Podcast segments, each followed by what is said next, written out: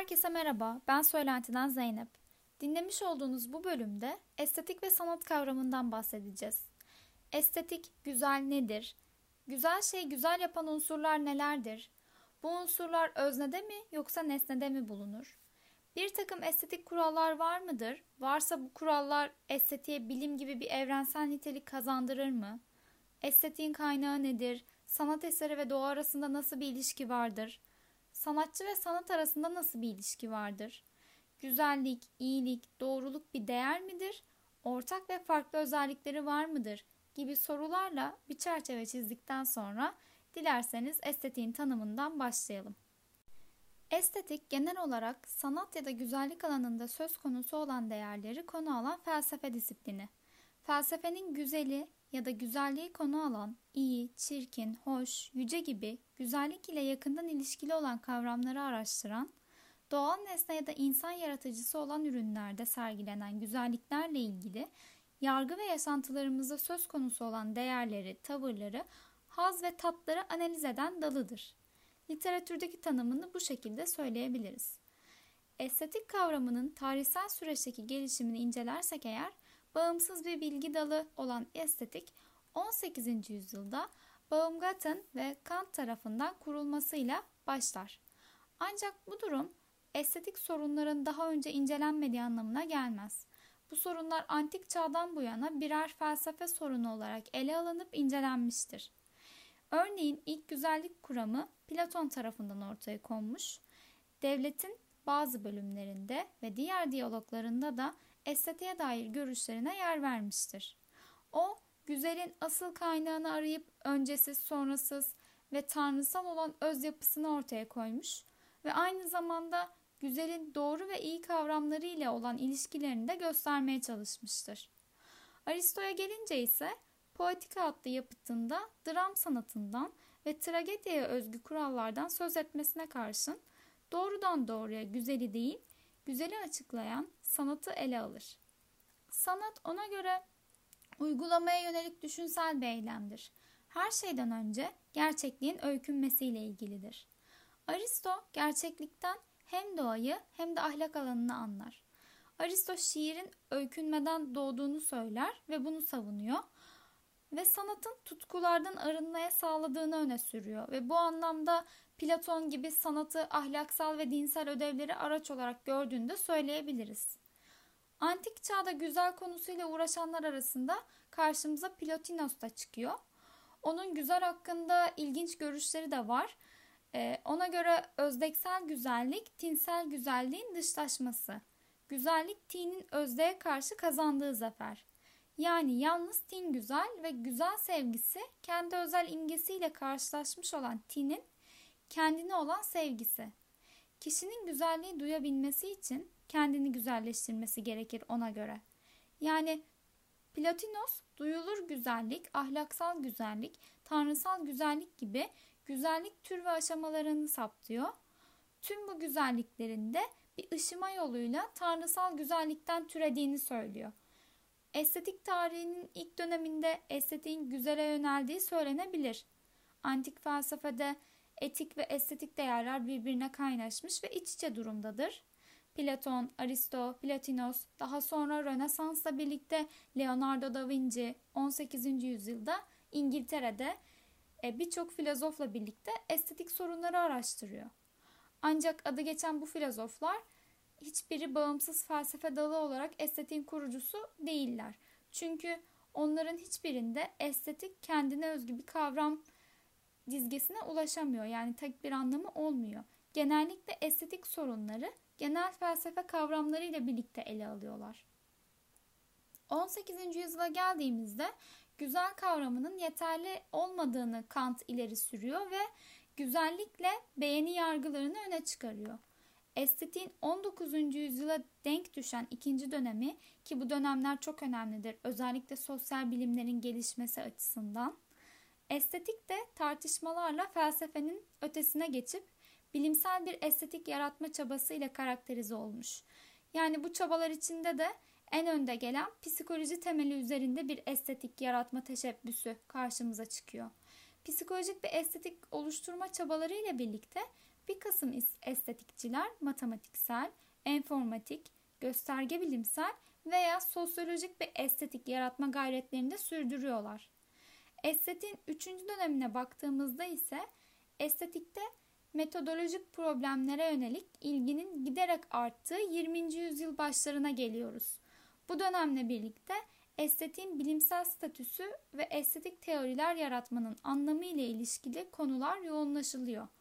Nitekim yüzyılın ilk çeyreğinde birçok düşünür estetikle sanat arasında bir ayrım yapıyor. Bu iki disiplinin bir şekilde çakışmasıyla da birlikte asla örtüşmediğini de ileri sürüyorlar. Analitik felsefenin ortaya çıkması ve ortaya koyduğu analiz ve eleştirilerle belirlenen estetiğin yöntemi, konumu ve araştırma statüsüyle ilgili olarak daha bilinçli bir hale gelmesine imkan veriyor. Bu dönemde bizim 1950'ler sonrası döneme götürüyor.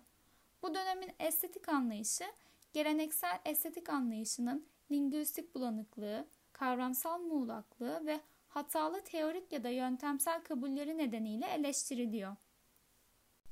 Analitik felsefenin bu eleştirilerin ardından estetiğin bugün yaşadığımız psikoloji, sosyoloji, gösterge bilim ve diğer disiplinlerin katkılarından etkilenen ve ayrıca postmodern estetikle zenginleşen son dönemi geliyor.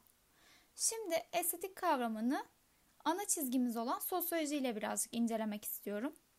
Toplumsal yapıyı bilmeden bir toplumun sanatını anlamak ve açıklamak mümkün değil. Sanatsal yaratıların toplumsal işlevini çözümlemeden de sanatın toplumsal yapı ve toplumsal değişme üzerindeki etkilerini saptamak ve değerlendirmek olanaksız. Çünkü her sanatsal yaratı belli bir toplumsal tarihsel ortamda ortaya çıkıyorlar. Bu nedenle sanat dediğimiz kavram aslında toplumsal bir olgu. Toplumsal bir olgu olması nedeniyle de sosyologların etkinlik alanına giriyorlar. Estetik kavramını bir de bilim açısından bakalım.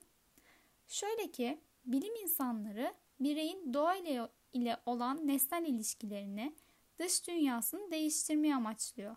Sanatçı ise insanın öteki insanlarla olan öznel ilişkilerini, iç dünyasını değiştirmeye çalışıyor.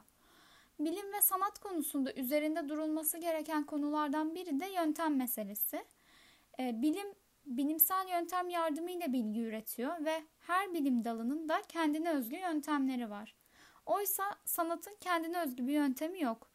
Elbette sanatsal yaratılar ortaya konulurken belli bir yol izleniyor. Bu anlamda her sanat dalının kendine özgü bir yaklaşımı var. Sanatın da bilim gibi konusu ya da konusunun nihai amacı insan. Bilim ve sanat arasındaki temel farklardan bir diğeri de olguları ele alış biçimleri olarak karşımıza çıkıyor. Bilim soyutlama sürecine dayanarak nesnel gerçekliği açıklamaya, anlamaya, betimlemeye çalışıyor. Ancak toplumsal bilimlerde soyutlama ve toplumsal ilişkilerin karmaşıklığı nedeniyle oldukça güç. Şimdi güzellik ve estetik kavramına birazcık bakmak istiyorum ve bu iki kavramın bir aradalığına birazcık bakalım. Güzel nedir? Güzelin özü nedir? Güzel insan yaşamına niye katılır?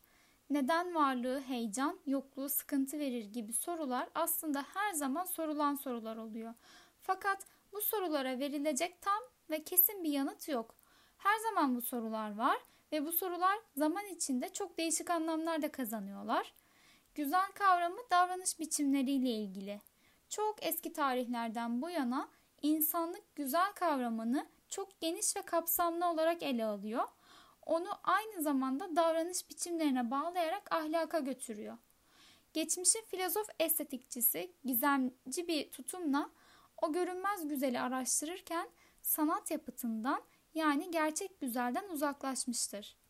Yeni çağın değerleriyle birlikte estetikçi bu verimsiz estetiğin yerine bilimsel bir bakış açısına dayanan yeni bir estetik getirmeye yönelmişler. Şimdi tekrardan estetik kavramına dönmek istiyorum.